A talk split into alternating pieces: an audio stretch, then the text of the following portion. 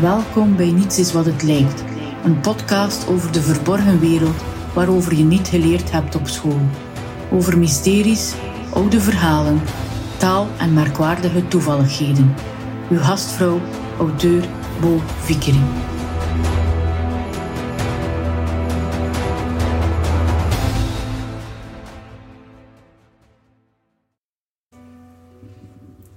Ik moet mij eerst eventjes verontschuldigen dat het een tijd geleden is dat ik een podcast heb ingesproken.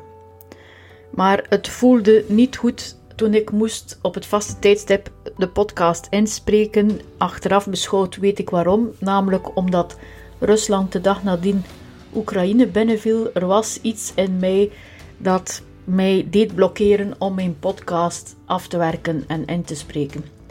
En daarna had ik lach of lach niet had ik problemen met mijn kunstgebit, waardoor de klank wel iets anders kan zijn.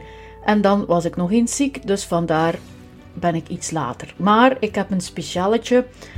Um, ik heb wel naast deze gewone podcast ook nog twee private podcasts ingesproken. Namelijk over de diepere symbolische betekenis die je verscholen zit achter wat er gaande is tussen Rusland en Oekraïne. Betekenis van namen, symbolen enzovoort. Alleen hou ik deze podcast privé, dat wil zeggen, die is enkel toegankelijk voor mensen die bereid zijn een klein bedrag te betalen op jaarbasis 45 euro. Die krijgen toegang tot al mijn private podcasts die ik in de loop der tijd zal inspreken. En dat zal dan gaan over dingen die een beetje inspelen op de actualiteit en de symboliek die ermee gepaard gaat. Maar nu naar de podcast van vandaag. Waarom spreken kunstenaars altijd over de muze? Het is 22 februari 2022 als ik deze tekst inspreek. Dat stond dus in mijn oorspronkelijke tekst. Een unieke dag, vijf keer hetzelfde getal. Naar het schijnt zal het nog een aantal jaren duren vooraleer we nog zoiets meemaken. Maar ongeacht de datum, elke dag is belangrijk, want geen enkele dag keert terug. Zo keert ook de muze niet terug. Heb je een idee, schrijf het op, want je denkt dat je iets zal onthouden, maar dat gebeurt niet. Je zal het vergeten, meestal toch. Ik had een idee voor deze podcast, maar ben het alweer vergeten, dus dacht ik, ik zal de muze ter hulp roepen, zoals kunstenaars en schrijvers altijd doen om deze podcast te vullen. Toen moest ik denken aan de vraag die ik vorige week kreeg van de kamergenoten van mijn mama in het ziekenhuis. Hoe kom je op de ideeën voor een boek? Waar haal je inspiratie? Vroeger vroeg ik me dat ook af als ik schrijvers op televisie hoorde vertellen over hun muze. Want wat is een muze? Eerst en vooral een stukje over de geschiedenis van de muze.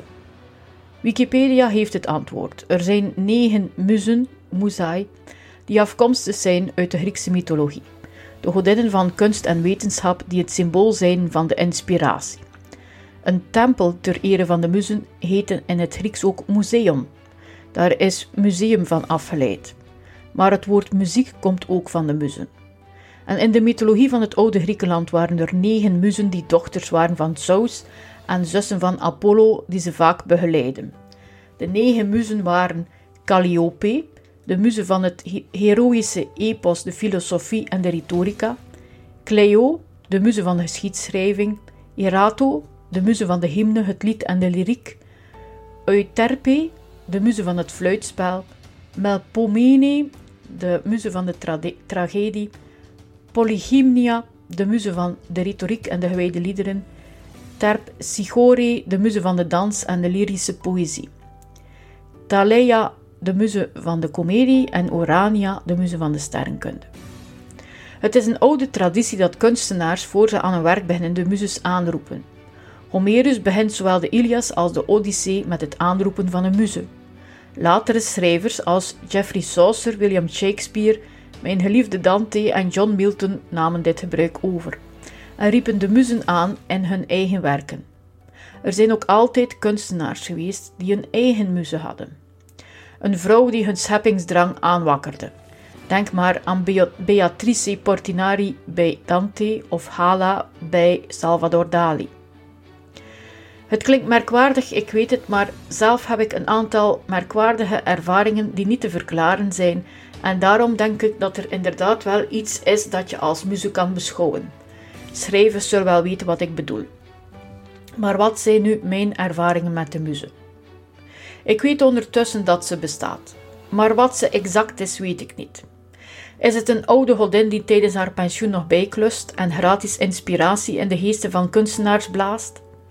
Is het de energie rondom ons, onzichtbare ideeën die rondzwerven, die, die binnen in onze geest dringen en dan weer weggaan als je ze niet vastgrijpt? Is het ons brein die uit zijn diepste krochten informatie en ideeën tevoorschijn tovert? Of zijn het spirituele inzichten die je de nodige kennis geven? Of is het God? Heel eerlijk, ik weet het niet. Ik weet het nog altijd niet. Ik heb nog altijd niet doorgrond hoe de muze werkt en wat het is. Wat ik ervaar is natuurlijk persoonlijk, want de muze werkt bij iedereen anders. Maar bij mij is het altijd alsof er een film zich begint af te spelen in mijn hoofd, alsof ik naar Netflix zit te binge-watchen. De beelden komen op onverwachte momenten, meestal tijdens repetitieve, vervelende taken zoals afwassen, de was ophangen, douchen enzovoort. Of als ik s'morgens wakker word. Vandaar, vandaar dat er altijd een notitieboekje naast me ligt. Ook een middagdutje kan creatieve inzichten opleveren. Aan ondernemers zou ik de raad willen geven: richt een middagdutjesruimte in. Maar geef het een andere naam, zoals Creativity Incubator, Creatief Slaaphoekje of Ideeëncreator. En je zal zien, er zullen plots nieuwe ideeën verschijnen in je bedrijf. Ook s'morgens enkele pagina's schrijven met de hand vooraleer ik iets anders doe, helpt hierbij. Het grappige is dat ik begon met ochtends pagina's te schrijven, omdat ik intuïtief aanvoelde dat het zou helpen, maar dat ik slechts deze maand een boek ontdekt heb, The Artist's Way van Julia Cameron, die het schrijven van ochtendpagina's ook als hulpmiddel voor creativiteit beschrijft. Mijn ervaring is dat als een idee naar jou komt, dat je het dan zeker moet vastgrijpen of je bent het kwijt. Zoals de flosh bij een draaimolen op de kermis. Je moet iets doen met dat idee. Bijvoorbeeld beginnen aan dat verhaal, research doen, het laten malen in je hoofd. En als het iets een goed idee is, dan zal het universum je ook steeds mee confronteren, totdat je effectief iets met dat idee doet. Ik zal een voorbeeld geven van mijn eerste thriller Niets is wat het lijkt, het Witte Dorp. Ik ging af en toe naar de kerk hier in het dorp, omdat mijn mama daar vaak een bloemetje aan het Onze Lieve Vrouw beeld wil plaatsen als dank. En ik was toen ook lid van de kerkfabriek die de kerk beheert. Maar telkens ik naar de kerk ging, zag ik iets speciaals, iets dat me in al die jaren nog nooit was opgevallen, of vertelde een toevallige bezoeker mij iets dat je als speciaal of merkwaardig kan rangschikken als je er langer naar kijkt. Bijvoorbeeld een verborgen betekenis van een schilderij, het getal 13 dat in de bouw geïncorporeerd werd enzovoort. Wie meer wil weten, moet natuurlijk mijn thriller Niets is wat het lijkt, het Witte Dorp lezen en of mij boeken voor een rondleiding in de kerk of de audiotour die ik ingesproken heb aankopen. Het was telkens alsof ik een deurtje van een adventskalender mocht opendoen en een geschenk kreeg. Ik kwam ook altijd maar op informatie terecht over de, tempel, over de tempeliers, documentaires, films, het internet, boeken, de tempeliers achtervolgden me in die tijd. Toen ik op een keer uit de kerk kwam en in mijn wagen stapte, sloeg de autoradio aan en het liedje dat weer klonk was This is my church, this is where I heal my hurts van Faithless. Toen was ik plots niet meer zo faithless, maar besloot ik dat het verhaal dat zich in mijn hoofd begon te vormen en me al een tijd lastig viel als de zoveelste tip van Netflix dat ik dat maar in boekvorm moest opschrijven. In mijn boek besloot ik de seriemoorden te laten gebeuren rond de zeven hoofdzonden.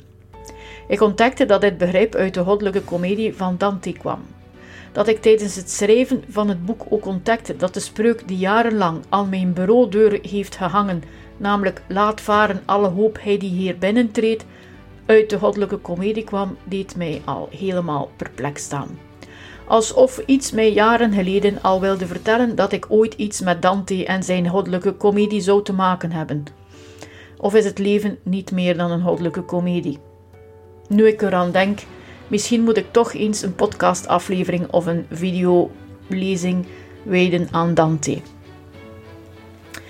Als je je creativiteit wil laten boomen, is ook synchroniciteit belangrijk. Synchroniciteit is een begrip waar psycholoog Carl Jung over geschreven heeft. Het is iets dat toeval lijkt, maar dat misschien geen toeval is, maar betekenis heeft. Soms wordt het ook wel serendipity genoemd. Het zijn opeenvolgende gebeurtenissen die je een weg tonen, tenminste als je er aandacht aan besteedt. Sommige mensen zeggen dat dit gewoonweg met geluk te maken heeft. Maar is dat wel geluk? Ik geef twee voorbeelden uit mijn leven die te maken hebben met mijn boeken. Ik wou dus maar één boek schrijven. Ik had wel na het schrijven van het boek een flart van een tweede boek in mijn hoofd, maar ik liet dat rusten. Ik had het gevoel dat ik voor dat tweede boek moest schrijven over iets dat verborgen was in het stratenplan van Brugge. Maar dan zou ik oude kaarten moeten gaan kopiëren in het archief en dat zag ik niet zitten. Twee dagen later, nadat ik dit dacht, word ik gebeld door Toon, een bed- en breakfast uitbater in Lissewegen, met de vraag of ik nog boeken had. Hij verkocht er voor mij aan zijn klanten. Een mededeling voor de belastingen. Hij deed dit gratis en voor niets als vriendendienst. En ik heb die boeken wel mooi geregistreerd in mijn uh, inkomst. Toon vroeg dus dat hij, of, hij nog, of ik nog een boek zou schrijven. Je ziet, ik spreek over de belastingen en begin al direct te, te stotteren. Maar Toon vroeg dus of ik nog een boek zou schrijven. Ik zei hem dat ik wel iets over Brugge in mijn hoofd had, maar dat het me te veel opzoekingswerk was. Hij zei: Wacht, ik heb het aantal boeken van Brugge. Mijn ouders hadden een drukkerij en er zijn daar een aantal boeken gedrukt. Hij gaf mij een stapel boeken. Ik besloot om er toch eventjes in te kijken. Plots kwam Toon terug tevoorschijn. Hij had papier in zijn handen. Kan ik je een plezier doen met oude kaarten van Brugge? De drukkerij heeft er verschillende gedrukt en je kan er dan eventueel op tekenen. Oké, wat moest ik met dit feit? Ik heb natuurlijk toegestemd, want ik dacht, ergens is er dan toch iets die wilt dat je verder schrijft over het onderwerp dat je in je hoofd hebt. Ergens is er dan toch misschien wel iets verborgen in het stratenplan van Brugge. Wat eerst mijn probleem was, werd enkele dagen later zomaar opgelost. Dus ben ik beginnen schrijven aan deel 2 in de serie Niets is wat het lijkt, Spiegel, stad dat ik nu nog moet verbeteren na de redactie. Nu denk je misschien, dat is gewoon toeval, geluk, dat wil niet zeggen. Wel, dan zal ik je nog een voorbeeld geven over het derde boek in de trillerreeks Niets is wat het lijkt.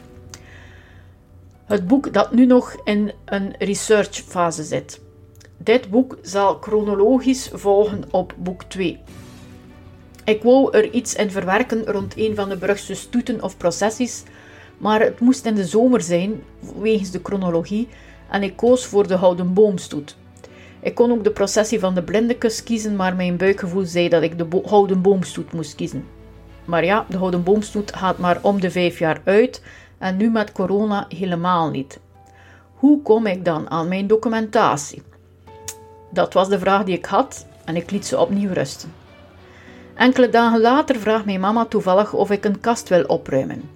Ik begin er met lange tanden aan, maar tot mijn grote verbazing vind ik er een programmaboekje in van de Houden Boomstoet. Oké, probleem opgelost. Maar als ik er verder over nadacht, toch niet helemaal. Want ik zou natuurlijk liever bewegende beelden hebben. Een tekst of een foto geeft nog niet de volledige sfeer en de praalwagens weer van zo'n stoet. Ofwel moet ik maar terug wachten tot hij terug uitgaat. Maar ja, maar met corona, wanneer zal dat zijn? Ik laat deze gedachten opnieuw rusten.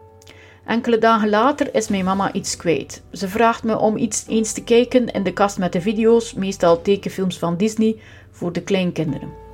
Ik kijk in deze kast, neem één voor één de video's eruit en wat vind ik? Twee video's van de Houden Boomstoet. Mijn mama wist zelfs niet eens dat ze die had. En het beste van al, de oude videorecorder hebben we nooit weggedaan, die ligt gewoon nog in de garage. Misschien is dat dan ook een teken dat het verhaal dat ik in mijn hoofd heb van het derde boek het juiste is en dat ik dat boek toch moet schrijven? Wie het meeste wilt halen uit zijn eigen creativiteit, moet dus niet enkel opstaan voor zijn eigen intuïtie en aanvoelen, maar ook voor de onbekende, onzichtbare krachten rondom ons die ons leiden. Je moet openstaan voor synchroniciteit, dit herkennen en erop ingaan. Maar het doet wel vragen reizen. Bestaat de mogelijkheid dat er een kracht bestaat in het universum, of dit nu energie is, of God, of waar je ook in gelooft, die ons kan leiden? Iets intelligents dat antwoordt op vragen die je jezelf stelt die ageert en reageert op jouw acties? Het is mijn ervaring dat dit zo is. Laten we het dus maar de muze noemen, zoals alle andere kunstenaars. Vraag je niet of je iets kan doen, zeg gewoon dat je iets gaat doen en onderneemt actie. En je zal wel zien als het juist is, dan komt het universum of God je ter hulp. Maar maak wel je gordels vast, want het wordt een onverwachte dolle rit op de roetsbaan van de kermis. Wil je meer weten over creativiteit? Ik plan dit jaar een online cursus over creativiteit die bestaat uit uitleg en oefeningen. Ik zal ook vertellen wat ik doe om mijn creativiteit te stimuleren. Wil je meer weten over deze cursus? In de beschrijving van de podcast staat een link. De cursus is nu te koop tegen lanceringstarief. Wees er als de eerste bij. Want wie houdt ervan om aan te schuiven in een lange rij voor een kermisattractie?